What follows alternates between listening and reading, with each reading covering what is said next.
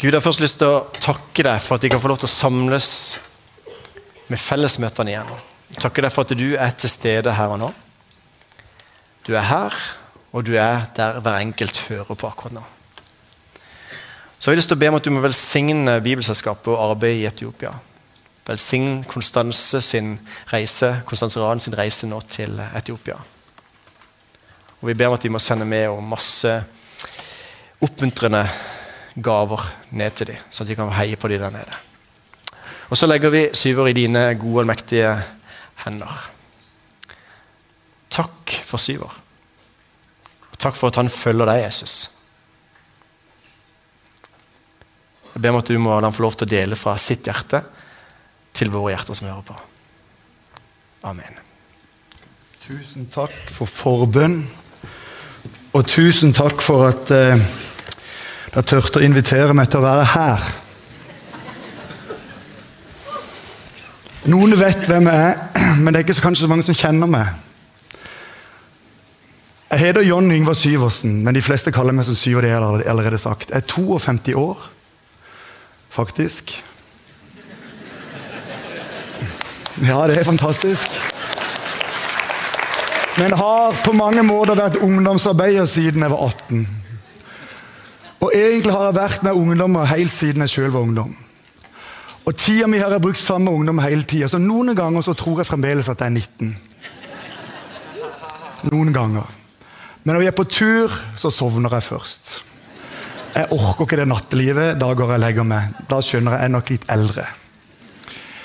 Jeg er gift, jeg har tre barn eh, og jobber altså på Ansgar bibelskole. Jeg har jo egen fanklubb. Det er ikke alle som spillere de preker. De sitter der, for det er elevene mine, så det er fantastisk. Ja, så. så. jeg har sagt til dem at under hele prekenen skal de hyle. Nei, det har jeg ikke sagt. det har jeg ikke sagt. Det er bare Glem det. Eh, det. Vi er ikke vant til det. Men vi skal altså til New Orleans til torsdag, og da hyler de. Men her må vi, vi er i Norge nå, så nå må jeg lære det. Nå er vi i Norge, Så det er fint. Ehm, jeg har jobba på Ansgar-skolen som ansvarlig for musikklinja der siden 1995. Det er lenge. Nå er vi i 2019. Det er 24 år. Jeg jobber fremdeles med ungdommer. Og jeg elsker det. Jeg trenger ikke opp til noe sånn hovedgreie. La meg være ungdomsarbeider. Jeg elsker det. Og jeg tror det er det eneste jeg kan. Jeg tror det, for nok gjort noe annet. Så da har dere litt om hvem jeg er. Eh, og så har jeg nok vært synlig i bybildet i ulike varianter, for jeg er egentlig født her. På sykehuset, som var i byen før. Vokste opp i Kristian 4. skade 78A. Bodde der i seks år. Og havna på Søm og har vært der siden. Derfor er det sånn at egentlig så er en sånn en fyr som mange i Kristiansand vet er, derfor er det skummelt. For det, her er det noen som har mye å si om meg. Noen kjenner meg som 'Å, han syver'. Det er han som bråker hver 17. mai på torvet med det gospelkoret. Ja. Det er syver. Er det ikke han? Han der. Og er det sønnen til Signe? Å ja, Signe, ja. Hun kjenner vi. Ja, Er det ikke broren til Åse og Annelise? Jo, det er det jo. det er broren. Ja, du, Jeg lurer meg ikke det er mannen til Merete. Så sitter folk og snakker og har en idé om hvem jeg er. Her står det altså. Jeg har vært lærer på Gimle videregående skole, det som heter KKG nå. Jeg hadde, var der i tre-fire, det er sikkert noen lever til. Og han som var læreren min der, det er sikkert noen av dere her. Det er også skummelt. Jeg har vært lærer på Ansgar-skolen i 25 år, og noen har sikkert hatt meg som lærer, og det har jeg glemt. Det er også skummelt. Så på en eller annen måte så er det mange som har en mening om hvem jeg er, uten at de kanskje egentlig kjenner meg. Skjønner dere poenget mitt? Noen kjenner meg kanskje som svømmeren, for en gang i gamle dager så svømte jeg og holdt på med det. Brukte masse tid på det. Kanskje noen som husker det? Kanskje noen husker meg som svømmetreneren? Kanskje noen husker meg som faren til Kristoffer og Jonathan og Therese? Jeg aner ikke, men jeg vet at her sitter mange og har putta meg i en eller annen bås. Bare vet det, du har det. Det er han der syver. Og han er sånn. Jeg tror ikke dere han er sånn. Jeg tror han er sånn, for jeg har sett han en gang, og sånn er han. Da kjenner vi ikke. Da kjenner vi ikke. Og da blir kanskje litt bedre kjent med meg nå. Jeg har lyst bare å be litt til. Kjære Herre Jesus. Du kjenner meg. Du vet alt om meg. Du vet absolutt alt om meg. Jeg kan ikke skjule noe for deg. Du vet mine seire. Du vet mine nederlag. Du kjenner mine sterke sider, og du kjenner mine svake sider. Men jeg takker deg, Herre Jesus, for at du elsker meg. Jeg takker deg, Herre Jesus, for at du ga ditt liv for meg, som du ga for alle andre her inne. Jeg takker deg, Jesus, for når du ropte ut på Golgata 'Det er fullbrakt', så var det for alle som er her, og ikke har fiksa alle ting.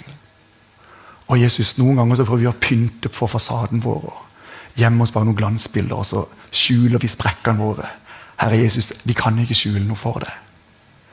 Og all driten som er i vårt liv, allikevel elsker du oss. Allikevel elsker du oss. Allikevel elsker du oss. Herre Jesus, kom du og velsign dette stedet. Vi trenger at du er her akkurat nå. Helligånd, kommer du og rører med oss alle sammen. Kom du og gjør dette stedet til et sted hvor det er godt å være. Fordi du kommer med liv. Det ber vi om, far. Amen. Da vet jeg litt om meg. Og hva skal jeg tale om, da? Familien min? Nei. Nei. Vi hadde en serie i Randesund misjonskirke som jeg er medlem av, og som jeg går. eh, For jeg husker ikke om det er et par år siden. Men det var en sånn at pastoren hadde sånn idé om at skulle, hver pastor skulle dele sitt sånn der, eh, mitt favorittbibelsted eller et eller annet sånt over en fire-fem ukers periode. Eh, og så var det først den ene og den andre, og så tenkte jeg de skal dele sitt favorittsted. Har jeg noe sted? Hva er mitt sted? Så tenkte jeg, Hva er det som er viktig i mitt liv? Hva er det som har frigjort meg? Hva er det som har gjort at jeg på en måte eh, har frimodig til å stå her? For hvorfor tør jeg å stå her? For det er perfekt? Glem det. Men for det er rettferdig og tillit til Herren selv. Halleluja. Men da er det ett vers som må det ha vært utrolig viktig. Vi skal si, Hva vil du forkynne om da? Og da er romerbrevet. Det fantastiske romerbrevet. Og så etter at eh, romerbrevet 7, hvor, det, hvor han, Paulus sier 'Jeg vet ikke hva jeg gjør, jeg får ikke til alt mulig', og 'Fri meg fra dette dødens lege, men det jeg gjør, det vil jeg ikke'. Så kommer det altså i romerbrevet 8.1, og det er mitt budskap i dag. Så er det da ingen fordømmelse for den som er i Kristus Jesus. Det er det jeg skal tale om i dag. Så er det da ingen fordømmelse for den som er i Kristus Jesus. Jeg håper noen har noe fint å si om meg. Jeg håper at dere som kjenner meg, har noe fint å si om meg. For jeg vet at mange vet litt om meg og kan si syver er sånn. Men det er sikkert noen kan si at syver er sånn også, som ikke kan se noe fint. Og jeg vet det. Jeg har ikke vært perfekt. Jeg har ikke alltid gjort gode valg. Alt jeg har gjort, har ikke funka som det skulle. Jeg vet om det. Men jeg står her for det er tilgitt. Og akkurat det med at vi driver og setter folk i bås For det gjør vi som mennesker så altfor lett. Og mener noe om noen vi egentlig ikke kjenner. Og så begynner vi å fordømme hverandre. Skjønner dere greia? Eller ikke kall det fordømmelse. Vi snakker jo bare litt nedsettende om dem. Litt sånn pent nedsettende. Det er jo ikke fordømmelse, det var litt sånn. For de er jo ikke helt gode, de der i Philadelphia. Sant? Eller han der fra Ansgar-skolen, han er ikke helt god, han. Eller i hvert fall ikke de misjonsmannene. De kan vi i hvert fall snakke litt ned om. Frikirka, vi snakker ned de. Skjønner? Litt sånn der, Vi snakker folk eller den eller den. For det er noe vi er uenige eller et eller annet. Eh, nå har det vært oppe i media litt om at eh, disse veggene, kommentarveggene på avisene som ofte blir skrevet masse drit, unnskyld uttrykket, så begynner folk nå å si at vi orker ikke, vi begynner å fjerne dem. Det har de siste dagene de har stått litt om. På 90-tallet da var det ikke noen nettaviser. Jeg var nokså ny i jobben på Ansgar-skolen. Jeg hadde, og Samtidig som jeg begynte å jobbe på Ansgar-skolen, så var aktiv i kirke. og Der hadde vi drevet noe ungdomsarbeid hvor vi drev og sendte noen team til, til Latvia. Og Det hadde jeg gjort en fire-fem år. og I 95 så, så, så, hadde jeg hatt et sånt opplegg der nede, og noe evangelisering og noe. Eh, og så var det en eller annen fyr i dagen som kom og ringte meg og sa du kan jeg ta et intervju og fortelle litt om, om det der opplegget der i Latvia. Ja, ja. Det, det, kan du godt gjøre. Så han kom og så tok bilder, og så kom det en sånn, faktisk en helside i dagen om Jeg synes det var litt pinlig, men der sto det bilder av meg og noen andre. Og så sto det liksom om hva vi holdt på med. Så gikk det tre dager tre dager. Så fikk jeg et brev. Dette var før e-mailens tid, kjære venner. Dere vet ikke hva brev er, men eh, det er sånn man skriver og sender i posten. og sånn, sant? Så kom det et brev til Ansgar-skolen med mitt navn på. Og jeg åpna brevet. Og jeg har aldri lest noe lignende. Da var det en eller annen kar på Vestlandet som hadde sett den artikkelen i Dagen om hva vi hadde gjort i Latvia. Og han slakta alt. Han skrev hvor fælt det var, og fæl jeg var, hva vi holdt på med, og det var grusomt, det var feil musikk, og alt var galt. Han ante ikke hvem jeg var! Jeg har aldri snakka med mannen, jeg hadde ikke peiling, og det kom tre sider med sånn slakt fordi han hadde sett i avisen et eller annet ikke han likte. Og så kom det mitt kontor og så gikk jeg til rektor og sa hva er det her for noe? Jeg jobber på Ansgarskolen. Dette brevet fikk jeg. Det er visst det her. Jeg har aldri opplevd noe lignende. Og så tenkte jeg Jeg vet du hva, han kjenner meg ikke. Jeg skulle gjerne snakka med mannen. Eller jeg skulle gjerne blitt kjent med han. Så han kunne se hvem jeg var, jeg kunne se hvem han var. For vi begynner noen ganger å sette merkelapper på hverandre og fordømme hverandre uten at vi vet hvem hverandre er. Skjønner du hva jeg snakker om? Og jeg er så glad for at Jesus, som kjenner meg best av alle, han fordømmer meg ikke. Jeg er så glad for at Jesus som ser mine svakheter Han skriver ikke tre sivers brev og sier syver. Her liksom Alt er feil, liksom. Vet du, Herren sier Jesus sier at vi elsker deg, Syver. For du er mitt barn. Jeg elsker meg. Når jeg ropte ut det fullbrakt på Golgata, så var det fordi jeg gjorde det fordi jeg elsker deg. Og du kan aldri rømme fra min kjærlighet. Den kjærligheten etterjager deg hvert eneste sekund, uansett hva du skulle finne på. Ingenting kan skille oss fra Kristi kjærlighet, lærer Skriften oss. Noen eksempler fra Bibelen, da. Jeg har alltid vært Eller jeg ble fascinert av Jesus som 18-19-åring. Jeg er fascinert av historiene om Jesus i Nye Testamentet. Og Det har fulgt meg hele tida. Disse historiene de, de, lever i meg, og de møter meg igjen og igjen. Og en av de historiene som jeg kan lese om igjen og om igjen da Jesus sier kanskje den mest geniale setninga jeg vet om. Det er når vi er i Johannes 8, fra vers 1 til 11, hvor vi leser om ei dame som hadde gjort noe galt. Hun var faktisk grepet på fersk gjerning i ekteskapsbrudd. Jeg har lurt på hvordan det egentlig der foregikk. Hun ble grepet på fersk gjerning i ekteskapsbrudd. Om det brøyd seg inn eller kasta seg inn, jeg vet ikke hva som skjedde. Men det var faktisk situasjonen. Og så er det da noen fromme menn som tror at dette er galt. Og de løper etter henne og skal klare til å steie henne.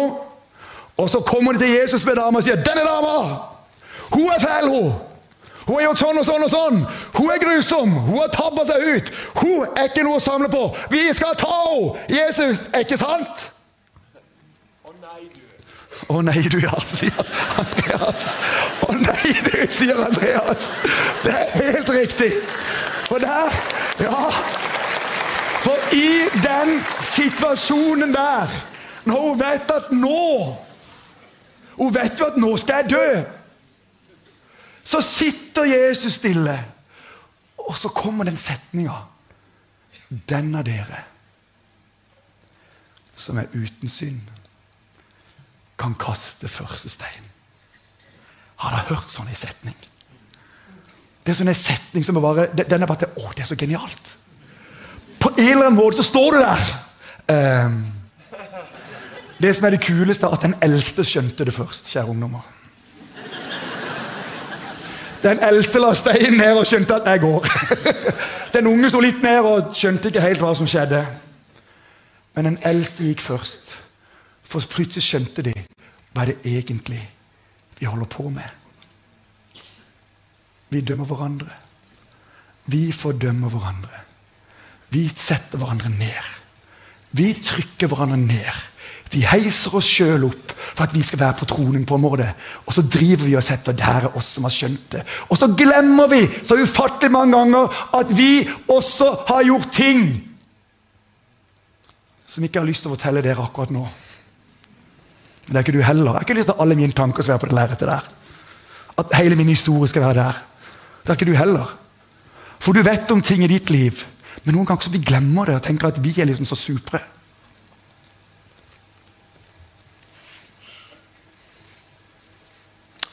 Jesus holder en veldig kjent preken som kalles bergpreken. Den står gjengitt i Matteus kapittel 57, men den er faktisk også delvis gjengitt i Lukas.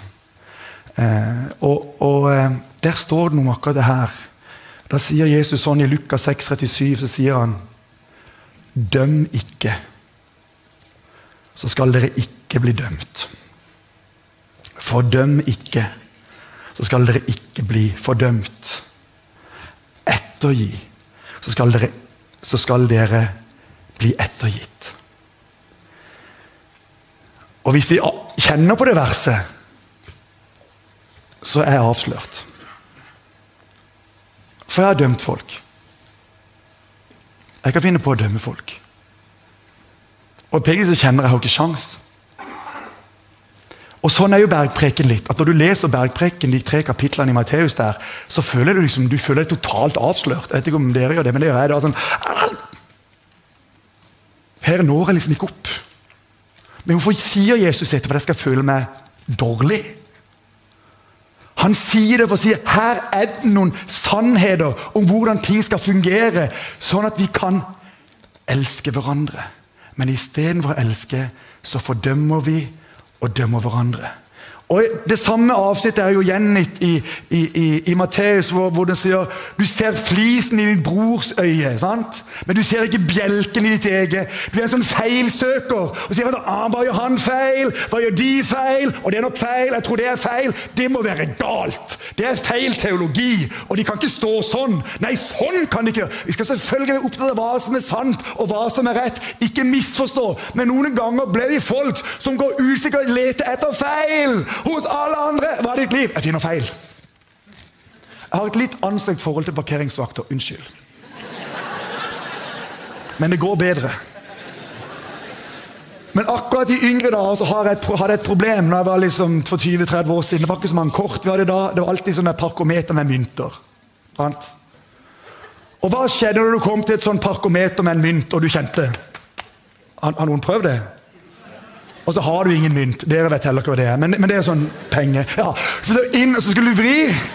Og så, og, så, og, så, eh, og så, var det som ok, nå har jeg fem minutter på å løpe hen, og så, hadde jeg ikke mer penger, og så, og så, kom, og så var det som bot. Jeg har betalt noen parkeringsbøter. Så jeg tror jeg har betalt mye mer i bot enn jeg burde betalt i parkeringsavgift. Så det har gått fint opp, for å si det sånn. Jeg har betalt det også. Men jeg var alltid redd for dem. Hvor er de? Ser de meg? Jeg har ikke penger til å løpe etter. Og så jeg, Noen ganger så har vi sånn forhold, liksom. Noen som leter etter feil. Og noen tror at Gud han sitter og leter etter feil. Syver, hva driver han med? Hva driver Syver med nå? Bak der. Hva driver han med? Og så tror vi på en Gud leter etter Hva holder han på med? Og så tar vi det med oss inn, og så tror vi at vår jobb er å lete etter feil hos alle andre. Vår jobb er å finne ut hva som er galt hos alle andre. Hva som er galt med han eller han eller hun er han, og hva den familien gjør feil, og hva den faren gjør feil, og hva den sønnen gjør feil. Har dere hørt hva sønnen har gjort? Han har gjort det! Er det ikke grusomt? Er det forferdelig? Har du hørt hva faren har gjort? Er det ikke forferdelig? Er det ikke grusomt? Har det flere feil dere snakker om? Har vi flere tabber vi kan brette ut og brette ut? Har vi mer vi kan si? Er det ikke utrolig rare vi mennesker er? Dette holder oss i live noen ganger. Hva er det vi holder på med?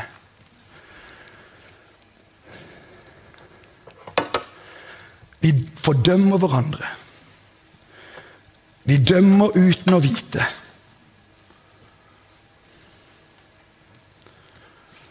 Og kanskje enda mer.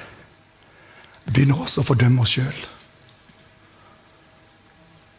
Jeg har egentlig vært ungdomsarbeider i 35 år.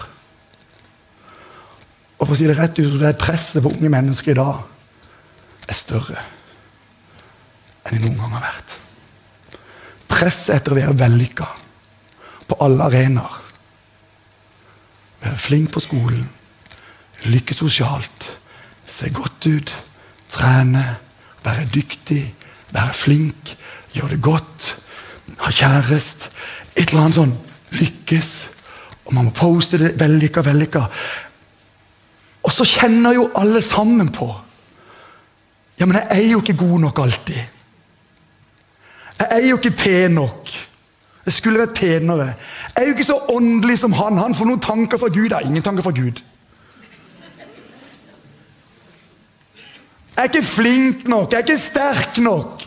Jeg skulle vært bedre. Jeg skulle vært annerledes. Jeg skulle vært som den. Og så samler vi oss, og så lever mange ungdommer i et press hvor de kjenner jeg er ikke god nok. Og så fordømmer de seg sjøl og sine egne valg. Og så når man er pressa, ja, men så gjør man jo dumme valg. Og så kjenner noen jeg kan jo ikke vedkjenne meg dette, jeg som er kristen. Og så snur de bort fra Jesus og sier jeg takler jo ikke å være kristen. Jeg fikser det ikke. Jeg har så mange rare tanker. Jeg har så mange rare ting. Det er så mange ting inni her som ikke er på plass. Jeg må være merkelig. Så jeg vil si du er helt normal. Du er som alle andre. Du er som hvert eneste menneske her. Hvis vi er ærlige, så har vi ting som vi kjenner her har vi ikke lykkes med. Vi fordømmer oss sjøl. Jeg er blitt mer og mer opptatt av etter min jobb på Ansgar-skolen.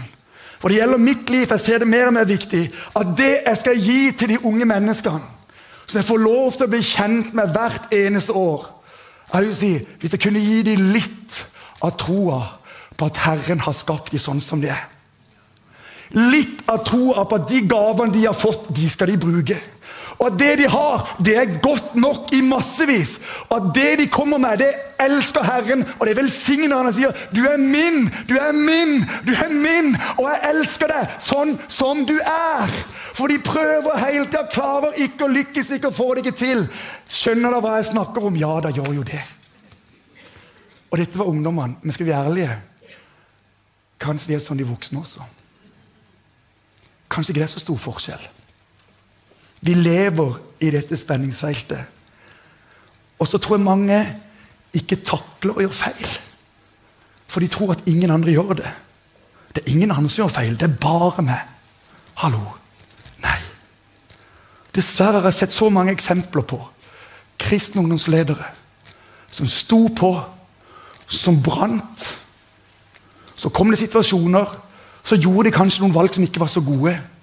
Så ble nederlaget så personlig og stort at de gikk bort fra alt. Og menighetene lot de gå.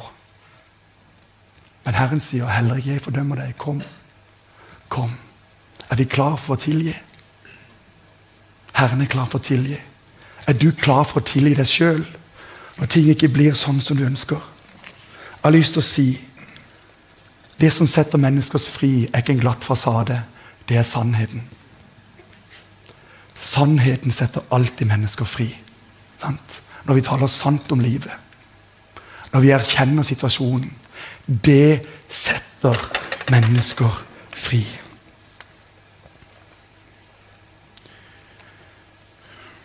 Det er jo egentlig dette for Jesus. Folk sier ja, men se på Jesus, han var sur noen ganger.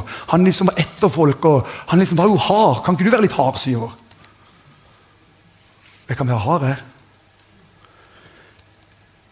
Men hvem var det Jesus var hard mot? Det var de som klarte det selv, trodde de. De som mente at ikke de hadde noen feil. De som mente at de skjønte alt og levde helt rett. De som la byrder på andre mennesker som var helt umulig for andre mennesker å oppnå. Som de egentlig ikke selv oppnådde sjøl heller, men de lot som de fikk det til.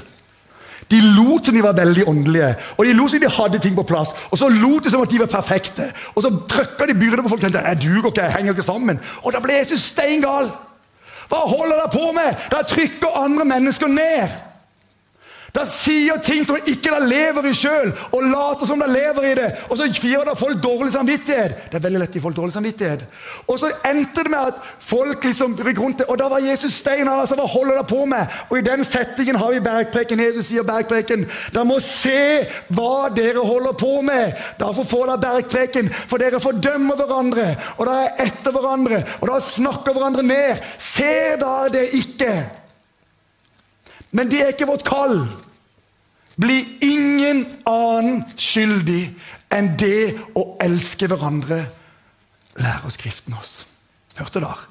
Ble ingen annen skyldig enn det å elske hverandre. Det er vårt kall. Og Jesus sier det igjen og igjen. Elsk hverandre. Er dere med? Ikke døm hverandre. Han sier elsk hverandre. Hei på hverandre. Fall varmt om hverandre. Tilgi hverandre.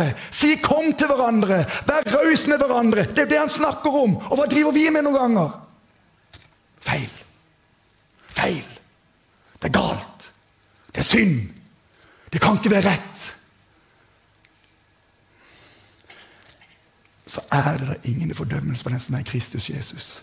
Når jeg skjønte det verset, da tørte jeg å være bibelskolelærer. For jeg visste at jeg var ikke en perfekt lærer. Jeg hadde ikke et perfekt liv. Det er sikkert noen som vet noe om mitt liv som ikke er godt eller sant. og som jeg vokst opp i byen. Jeg har sikkert gjort noen som har såra folk. Mulig jeg har såra noen av dere. jeg vet ikke. Sorry hvis jeg har gjort det.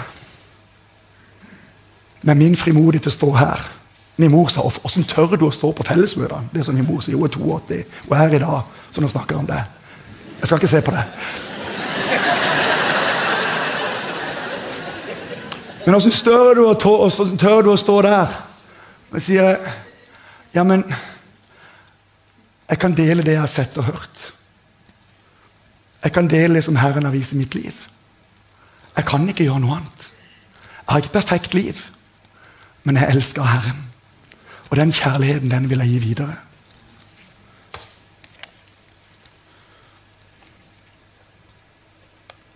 Nå skulle jeg kanskje ha sluppa der. Men når jeg forberedte meg, så har jeg en liten hale. Og på en måte tenkte jeg, Kan jeg tale om det, Jesus? For det er jo ikke det jeg snakker om. Jo, er det egentlig det jeg snakker om. For vi er kalt til å elske hverandre. Men relasjonene er ofte i trøbbel. Hvorfor er de i trøbbel? Det er ulike årsaker til det, men veldig ofte er det fordi at vi ikke anerkjenner hverandre eller begynner å si det er hans feil. Har dere merka det hvis det er en konflikt? Hvem sier feil er det? Det er alltid den andre. Er ikke det rart? At uansett hvilken konflikt det er, så er det alltid den andres skyld. Det er noen rare greier. At alle de andre har så mange feil. Det er veldig rart. Men i dette relasjonsgreia så er det også den fordømmelsen som kommer. Eller vi later som om at denne relasjonen er dårlig, og det er alltid den andres skyld. Jeg har lyst til å si Jesus visste at der kommer utfordringa til å stå. Han visste at i relasjonene så kommer utfordringa til å stå. Der kommer kampen til å være. Og da får han samla disiplene Vi leser om det i Johannes 17, som kalles for Jesu ypperste prestelige bønn. Det er rett før Jesus skal dø. Så, så, Hvis du leser den bønnen i Johannes 17, og Jesus ber om sine, og hva ber han om? At de skal være ett. Er han med? Og Når du leser den bønnen, så ber jeg ikke om at de skal være enige, men han ber jo at de må være ett. De må stå sammen, for vet at der kommer utfordringer. Og noen og enhver vet at relasjoner, de brytes. Noen og enhver vet at ekteskap har gått i stykker.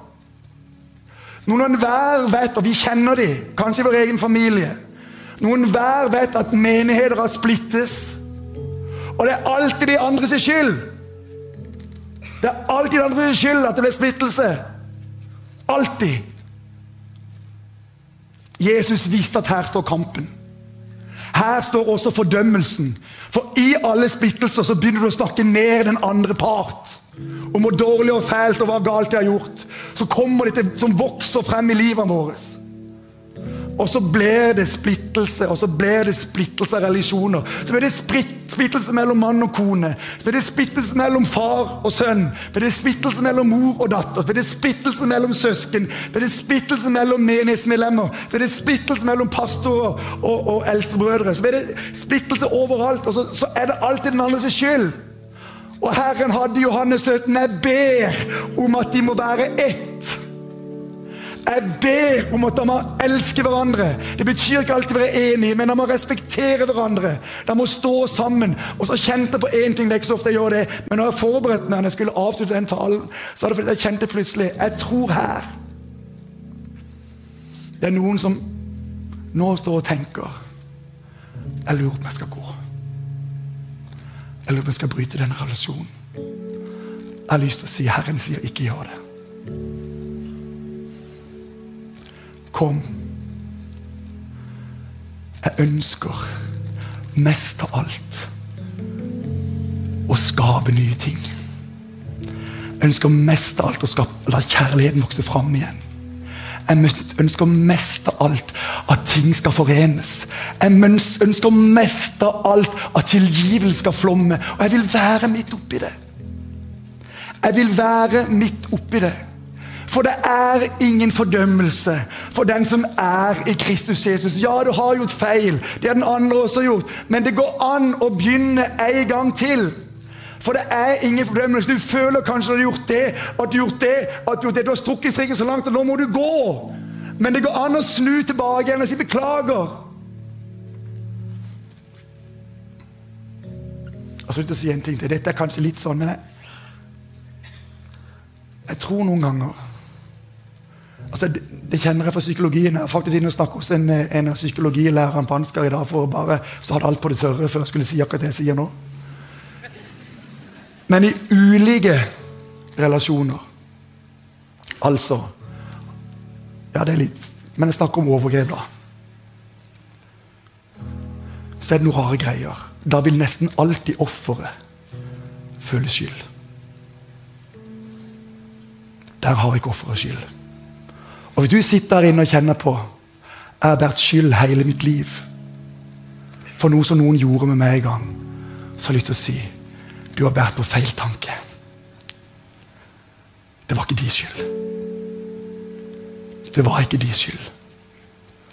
Det var ikke, Og Herren ønsker å reise deg opp igjen og si at det er ingen fordømmelse for den som er i Kristus Jesus. Uansett hva livet har båret, uansett hva ting har vært, så er det ingen fordømmelse. Og Hvorfor snakke om dette når jeg er personlig? For dette er mitt liv. Det er mitt møte med unge mennesker. Det er år etter år nye mennesker. Så kjenner på det igjen igjen. Dette må jeg dele. Dette må jeg si. Dette må jeg forkynne. Dette må jeg leve. Mitt kall er å elske hver og en igjen og igjen. For jeg har det eneste jeg kan gi. Jeg har Guds kjærlighet. Kjære venner. Kjære Kristiansand. Tenk om det kunne bli sånn at istedenfor å snakke hverandre ned, så løfter vi hverandre opp. Amen. Istedenfor å tenke oss sjøl ned, så tenker vi takk Gud for at du har skapt meg sånn som jeg med feil og mangler, men også med gode sider. Jeg er din skapning, og du elsker meg og ønsker å bruke meg. Halleluja. Halleluja. Og du som sitter og kjenner jeg har kjent meg så liten, jeg har følt meg så lite åndelig, for jeg har gjort sånn og sånn og sånn. Hallo, Herren sier, slapp av. Akkurat pga. det så ga mitt liv. Akkurat pga. det du gjorde, så ga mitt liv. Du er frikjent. Du kan starte på nytt akkurat nå.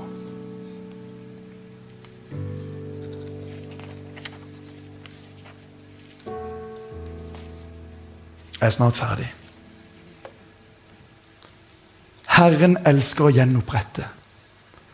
Herren elsker å gjeninnsette. Herren ønsker, elsker å forene. Herren elsker å gi folk en ny start. Herren elsker å glemme det som var, og strekke oss etter det som ligger foran. Og dere som kjenner meg, vet at Jeg har vært i New Orleans, og mye av min forkynnelse bærer preg av å ha vært i New Orleans. Altså, Da svarer de, det ikke dere, men det er greit. Men poenget etter å ha vært der i 22 ganger og i hvert fall vært i sorte menigheter Så det som, her, som har, som har påvirka mitt liv, det er alle de reisene. Jeg vet du hvorfor. For jeg fikk jo sjokk når jeg så og Struggle Lives og mye de kjemper med. Er de med? De kjemper med så mange ting. Og så skjønte jeg på det. De er totalt avhengig av Guds nåde. Og midt i all kaos, i relasjoner og rot og dritt, så så plutselig Gud skapte noe nytt i et folk som var pressa fra alle kanter. Og i et folk som lever under press Når jeg treffer noen hvite i New Orleans, ofte sier de 'Hvor skal du hen?' 'Skal jeg i Den sorte kirka.' 'Hvorfor går du der?' Sier 'Har du vært der?' 'Nei, jeg går jo aldri der.' 'For de er sånn og sånn og sånn.' 'Kjenner du de?' 'Nei, men de er sånn og sånn og sånn.' 'Vet du det?' 'Nei, men de er sånn.' Å, jeg kjenner de ikke sånn. Jo. Nei. Jeg kjenner de sånn og sånn og sånn. Ja, Det var rart. Det kan de ikke forstå. Fordommer. Ikke sant? I den forkynnelsen så er de totalt avhengig av Guds nåde. Jeg er avhengig av Guds nåde. Og hvis du er ærlig, du er avhengig av Guds nåde. Da skal vi gi den nåden videre. Vi skal sette mennesker fri med Guds nåde, og ikke gi de regninger som trykker de ned. Er vi enige? Vi, vårt kall er å sette mennesker fri og si hei, du er elska, du er frikjent. Vil du ta det? Vil du leve i det? Vil du gå med det? Kjære Ansgar Gospelkor, dere kan komme opp nå. Og mens de kommer opp, så skal jeg avslutte.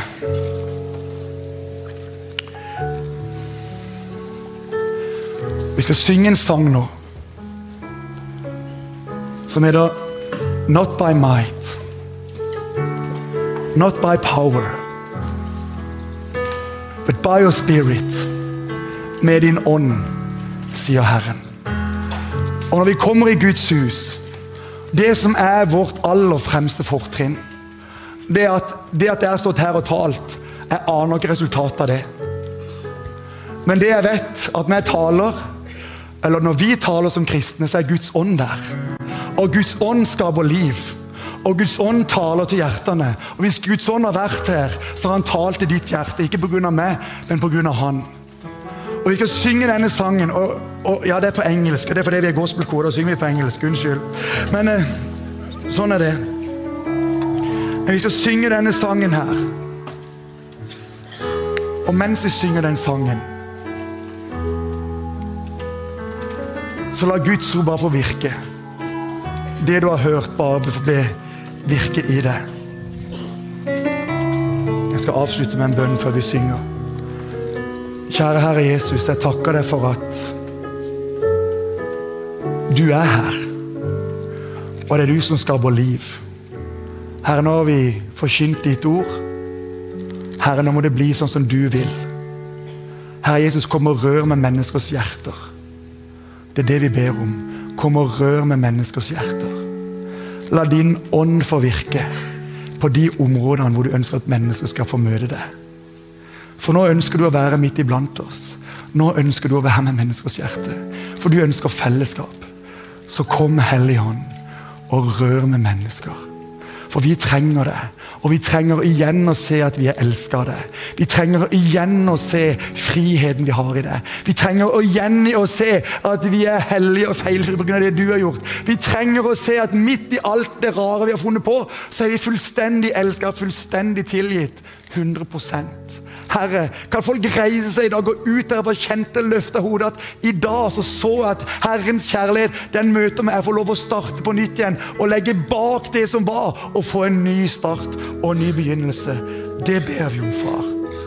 Kom og gjør ditt verk. Vi ber om det, Jesus. Amen. Amen.